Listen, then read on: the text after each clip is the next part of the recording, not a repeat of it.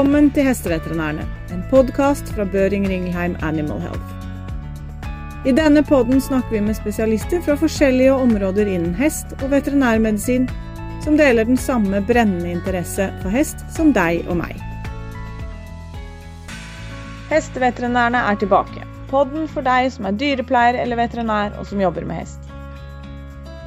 Endokrine sykdommer hos hest er et tema som alltid er aktuelt, siden vi hele tiden lærer nye ting pga. all forskningen som pågår. For å se litt nærmere på temaet har vi fått hjelp av Sanna Lindåse, som er veterinær og forsker ved Sveriges landbruksuniversitet. Sannas forskningsområde inkluderer behandling og management av hester med endokrine metabolske sykdommer, hun er bl.a. en av forskerne som jobber med studien som ser på legemiddelbehandling av EMS. I den første episoden snakker Sanna om terminologien, prevalensen og diagnostikk når det kommer til insulindysregulering og EMS.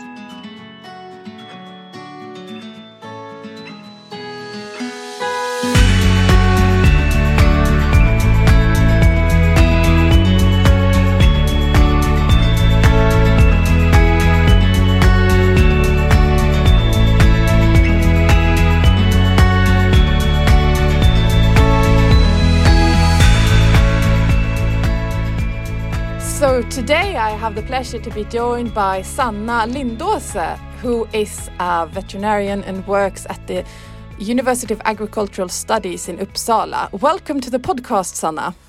Thank you so much. Nice to be here. Uh, can you tell us a little bit about yourself, your background, your research, and so on?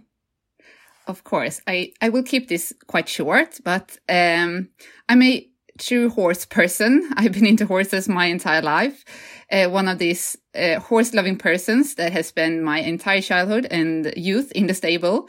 Uh, and I al always have wanted to become a veterinarian since I was four years old, I think.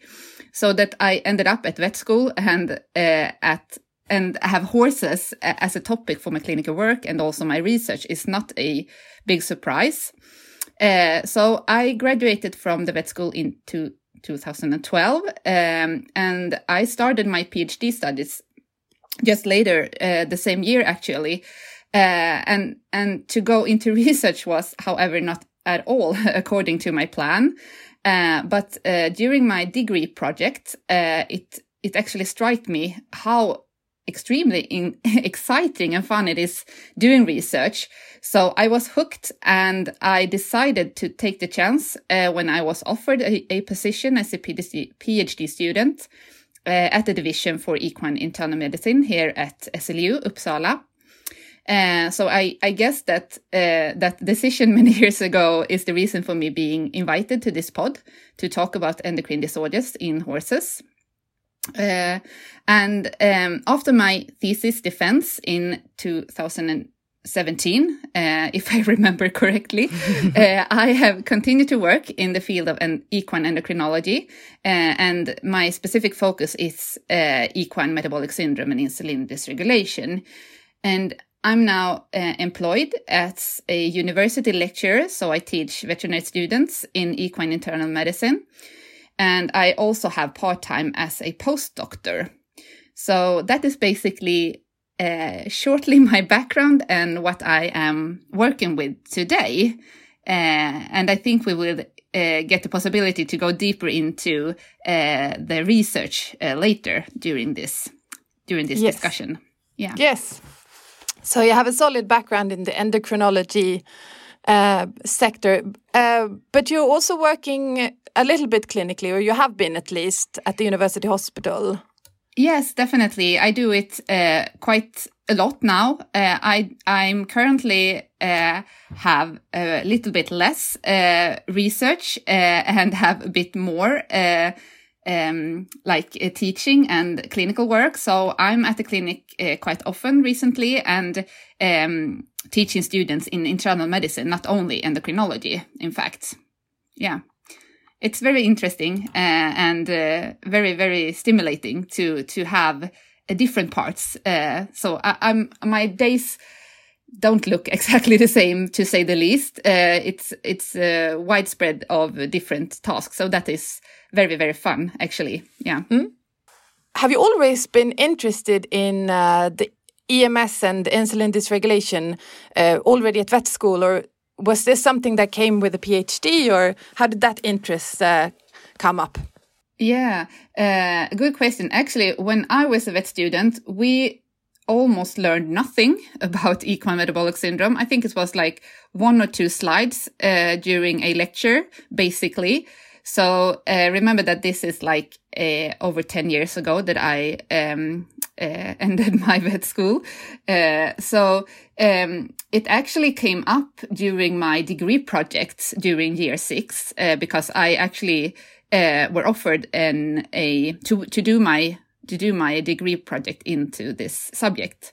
Mm. So that that was when it all started actually, and then I got stuck, and I'm I'm so interested in internal medicine. So this is like a very tricky, tricky disease to work with. So it is quite rewarding when you are able to, to like solve different puzzles and uh, solve questions in this very complicated disease. So yeah, I, I think that's why I got stuck actually.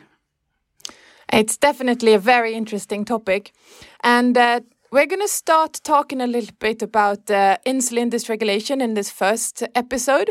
Uh, but from to begin, um, we're talking about insulin dysregulation, we're talking about EMS, equine metabolic syndrome, insulin resistance, uh, hyperinsulinemia, and so on. You know, I can't even say it myself.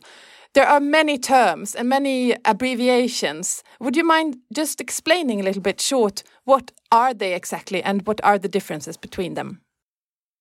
Yeah, that's a very good start because it's a lot of confusions using these different terms. Uh, and I will keep it short because I could probably talk about this uh, in 20 minutes. Mm-hmm. Uh, so if we start with equine metabolic syndrome, that is like the, the, um, main, main disease that have different comorbidities. And one of these comorbidities is, um, abnormal insulin metabolism. Mm. And here we have all these different terms that are related to the insulin metabolism. So um, from from the human perspective, it's like when we started working with this disease, we we took a lot of knowledge from humans and so in the beginning we only talked about insulin resistance. Yeah. so insulin resistance uh, referred to a state where we have decreased sensitivity for insulin in the peripheral tissue. So we, we talk muscles and we talk fat tissue mainly. So if if this tissues doesn't respond normally when insulin is secreted um, the beta cells in the pancreas uh, need to increase the secretion of of uh, insulin and this will cause a state where we have elevated insulin concentrations in plasma or blood. So elevated insulin is hyperinsulinemia. Yeah. So the, there we have two of the terms. And then a couple of years ago, um, a new term was proposed uh, for this uh, for horses with EMS that have these specific uh, traits of symptom, uh, sorry, symptoms. Uh, so the word or the term insulin dysregulation uh, is like a, a unspecific term that include both insulin resistance and hyperinsulinemia. And the hyperinsulinemia can be manifested during fasting conditions and also, and maybe more importantly, during uh, this, during the uh, the time after feeding. So, and that we refer to as postprandial. So after a meal intake, you are in a postprandial phase. So it's, it's not easy to understand even after I have tried to explain this, but the most important terms that I will come back to is hyperinsulinemia and insulin dysregulation. So you can remember that uh, insulin dysregulation include both insulin regulation, uh, sorry, insulin resistance, as well as hyperinsulinemia at fasting and postprandial state. That is very, that is mainly the most important thing. Mm. But we can, maybe we can relate to that right away because uh, when we why do we even care about this why do we even care about insulin dysregulation in horses because very good question yes yeah because you know uh, in, if we compare horses to to humans uh, these horses very very seldom uh, develop type 2 diabetes mellitus, which is the like end stage uh, when it comes to insulin resistance in humans. Yeah. And uh, so then we, we, can just start with why is this a problem? And uh, that is, of course, uh, because the uh, connection to and the link to laminitis in horses. And from from experimental studies performed in horses, um, researchers have been able to induce laminitis in previously uh, clinically healthy and non-laminitic patients. Um, and this has been induced by a continuous rate of infusion of insulin, mm. like very high concentrations of insulin. So severe hyperinsulinemia uh, are able to induce laminitis in previously healthy horses.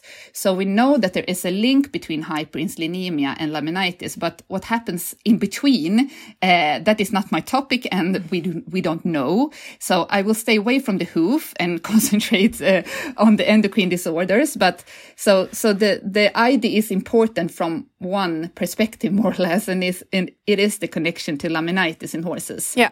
And that's also, yeah. I mean, the most severe um, symptom or the most severe outcome from this disease as yes. well. Yeah, definitely, definitely. Mm. So, but thank you for clarifying that because I think um, when when you read about it and you uh, come across all these terms, it's it's easy to think that this is probably something I should know. But if uh, I mean, there are so many different ones, so it's good to have a sort of short uh, explanation. Yeah, I hope I did clarify it, not confuse uh, even more. But uh, yeah, we'll, we'll, hope so. it's clear to me anyway. Yeah. Uh, but I, I was then a little bit curious because you, you started by mentioning EMS, and that is of course the syndrome, the the whole uh, spectra with many, as you said, comorbidities. But um, so EMS is then defined as insulin dysregulation and obesity. Yes, we have the we have the other like uh, um, clinical characteristics. So we have obesity or regional adiposity, and we in, included in EMS. We also often uh, refer to a breed Pre, sorry, breed predisposition. It was difficult to say. Yeah. Uh, so we know that uh, many breeds are predisposed, so some kind of genetic factor uh, is definitely prevalent here. Uh, and we know that uh, pony breeds and um, in for our Scandinavian um, uh, countries, uh, at least in Sweden, Icelandic horses are very much uh, overrepresented with this disease. And I know pony breeds like Connemara ponies and other UK native pony breeds are many times overrepresented also. So the genetics is not like it's very difficult. some studies have been performed, so there are not like we we don't know how the genetics works, but we know that that they play an important role here. Yeah. So um, and also laminitis is actually also a part of this uh, EMS like um, disease complex. Yeah. Um, yeah, due to the connection to hyperinsulinemia. Yeah. But does it, it is it required for a horse to have had laminitis to get an, a di diagnosis uh, or to, to be an EMS horse, or is it just no. that you think it's going to happen, or it's more yeah, likely? I yeah, I would say I would say that I I really hope that we diagnose the horse before it develops yeah. laminitis, and I think that. Uh, that uh, the the disturbed insulin dysregulation is more more the way to like uh, diagnose uh, EMS. So if we have uh, insulin dysregulation, and we will come back to this when we talk uh, about PPID, we see insulin dysregulation also in PPID horses. But uh, insulin dysregulation without um, PPID, I would say that that is like how we how we identify horses with EMS, and then we have these clinical characteristics, but they can be they can be there or but they don't have to be. Uh, we know um, we learn more and more that uh, horses with ems um, can be like in perfect uh, body shape. Mm. they do not have to be overweight. They don't have to be obese. They do not have to have regional adiposity and so forth. So you, you cannot you cannot look at a horse and give the diagnosis ems mm. Yeah, that's very important. I think the the testing yeah. is a very important uh, part of the diagnostics in this case. Yeah, we we will come back to that. But just one one more comment about laminitis. So of course, laminitis is uh, can can develop due to many different um, systemic uh, um, diseases in horses and uh, also other things, of course. But we know that um, the that um, endocrine disorders are the main reason for horses developing laminitis. Yep. So it is so important to to to uh, work with these diseases if we uh, are aiming at decreasing the, the, degree of laminitis in the equine population. Yeah.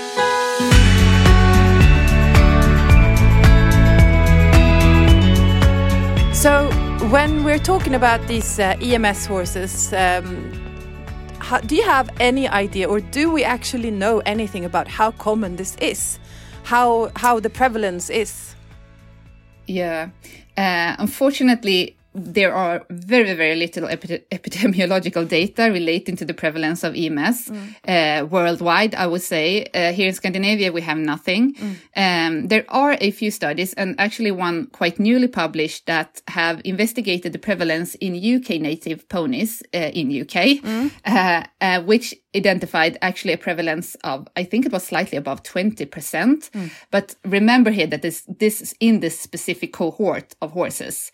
And um, there are also some other studies performed in Australia and I think US that have found quite high prevalences in in some cohorts of ponies and horses. I think between 20 and 30 percent. Mm. But it's so difficult to rely uh, on these questions when we come, oh, sorry, these numbers when we come to the whole horse population. Yeah. Because as we know that we have a clear breed predisposition, I think we, we can't say that this prevalence is nearly close to what we see if we look at the whole, whole horse population. Mm. So it's it's impossible to extrapolate this mm. to to the like to all horses. Yeah. So we don't know. Is the it's the is the short answer mm. here? Yeah. Uh, but but I think actually even if we don't know the prevalence, I I think that there is no like clinical work in veterinarian that have not met a horse with EMS mm. or laminitis. Yeah. So it is actually it, it's common. It's common, but how common it is, I don't know actually. Yeah, and um, also when it comes to laminitis then we're not going to stick that much to laminitis but it still it's it has been and also in in which we will be talking about later the ppid cases it has been an important uh, sort of symptom uh, mm. that when you have is when you have a laminitic episode that's when you take the tests and will mm. diagnose either of the endocrine disorders but the last say 10 years at least, this is something that have sort of come more to the mind of people and it's been more, talked about more and horse owners are more aware. Um, do you think that this means that we're able to diagnose more horses before they develop laminitis um, now compared to like 10 years ago or? Yeah.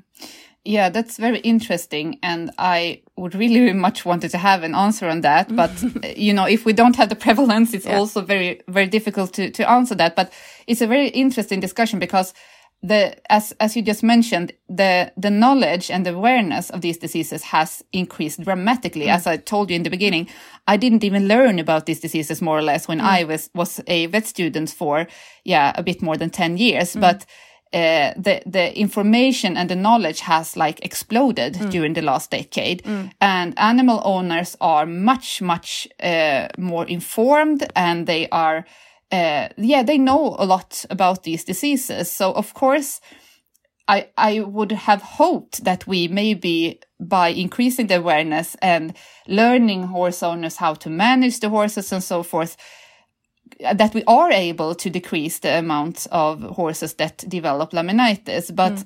i still i still feel that we very very often have these horses struggling with laminitis this chronic laminitis cases that come back and they come back and they never get better you know mm. so yeah I, I think it's, it's hard and also it's it's it's a very tough tough disease to work with because we don't have so many we don't have so much that we can do besides management. Maybe we will come back to that later, but I know that even perfectly managed horses, even if the owner does everything correct, they can still be very, very insulin dysregulated and have very severe laminitis. Yeah.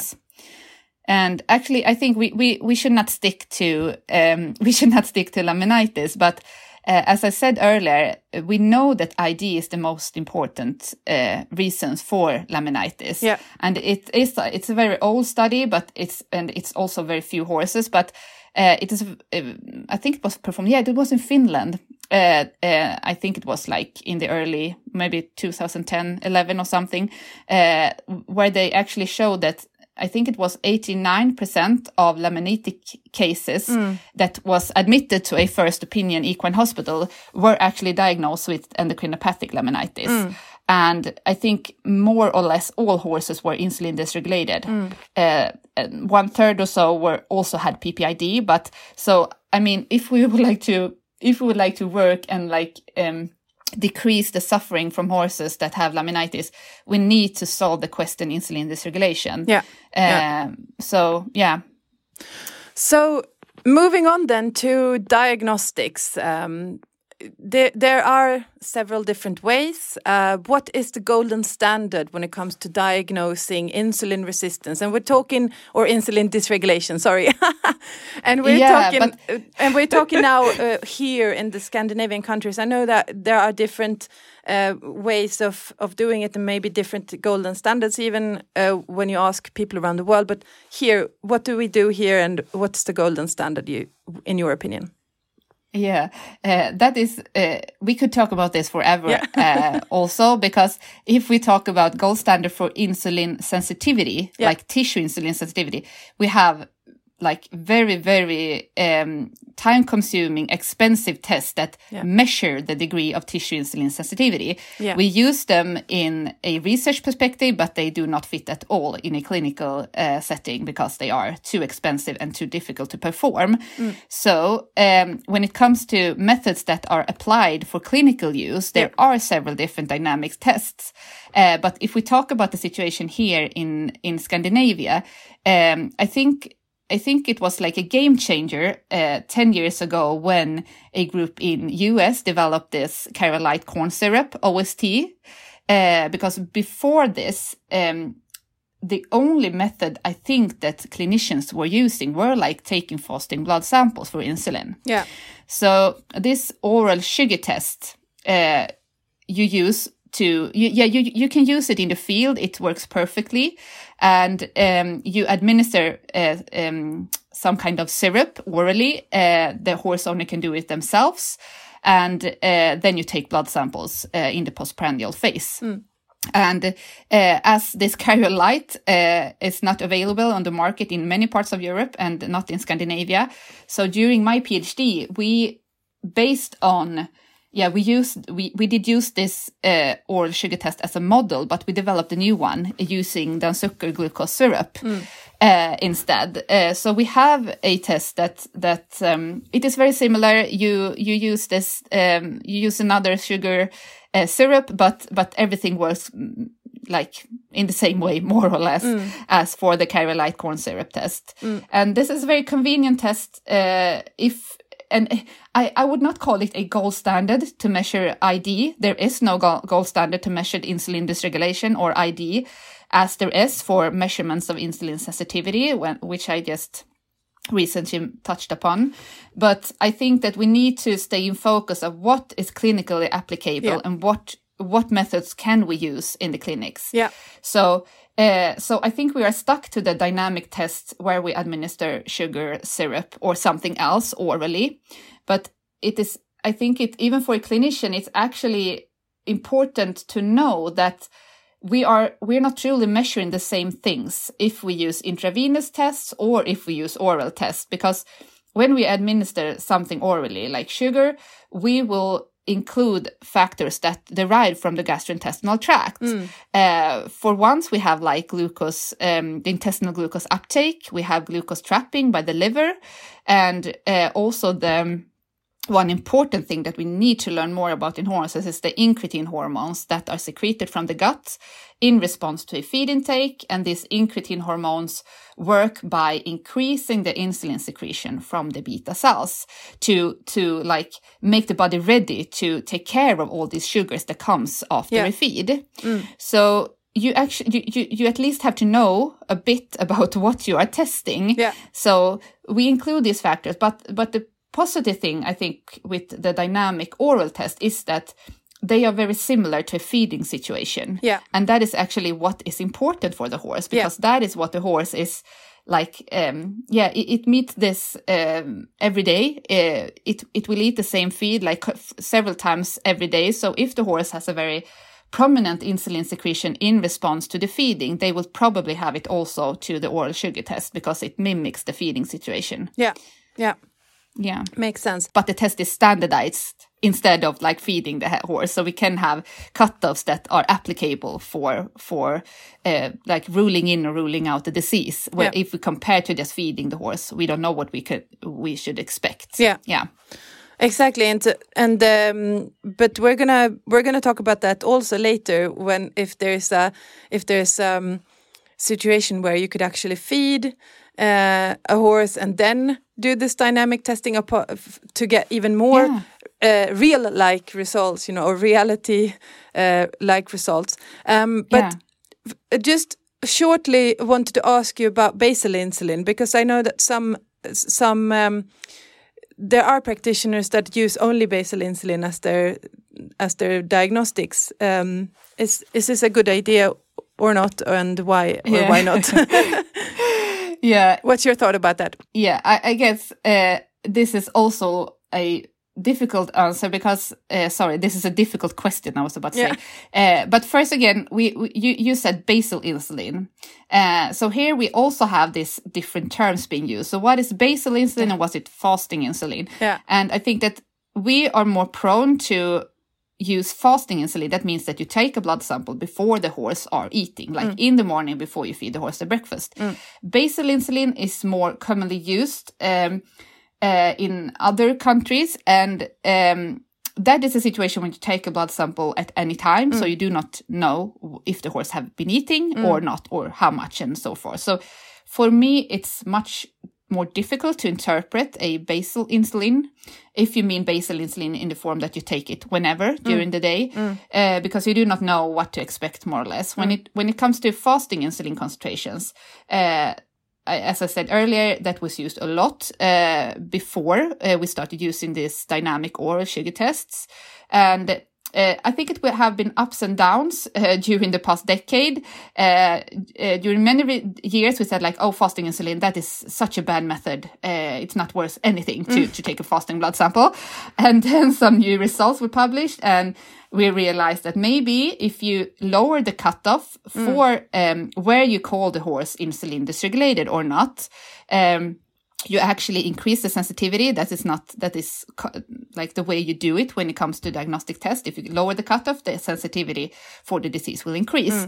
But uh, we actually found out that it's not so bad. So, but it if you look at the individual horse, we did we performed one study and we actually saw that the fasting insulin concentration did not for the individual horse it was not perfect to to explore the postprandial um, glucose increase, or sorry, the insulin increase, the postprandial insulin secretion in the individual horse. But if you're talking like big epidemiological data Yeah. uh, and epi- epidemiological studies, this is this is a better idea because we can sample so many horses. So it depends on what you what you want to use it for. Yeah. And I don't, I wouldn't say that it's worthless, but we use it very seldomly, like the only diagnostic method. Or I do, I, I do it never because I work in another environment. But I, I would say to the clinicians that it is not more, it is not more difficult to perform a OST than to just take fasting blood samples. Because if you,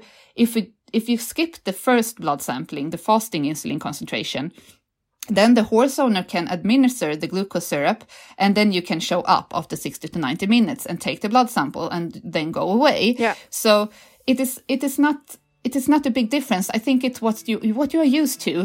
Uh, I, but I think it's many colleagues internationally and maybe also nationally that, that still are very uh, negative to fasting insulin. And it is not my best friend either, but I don't think it, we, I, I don't think we should be so negative that we have been uh, previously. Yeah. But we need to be careful when we interpret the results so that we look at lower cutoffs uh, than what we normally have, have been doing. Yeah. Thank you very much, Sanna, for this episode. We're gonna uh, keep talking about insulin dysregulation and uh, a little bit more about treatment and also about PPID and, of course, the management in the coming episodes. Thank you very much. Tusen takk for at du lytter til Hesteveterinærene. Hvis du liker det du hører, glem ikke å trykke følger eller lignende i podkastappen din, slik at du ikke går glipp av en eneste episode. Fortell også gjerne om hva du syns ved å gi en tilbakemelding. Vi tar også gjerne imot tips om kommende gjester og emner. Kontaktinformasjonen vår finner du i beskrivelsen av podden. Vi høres snart!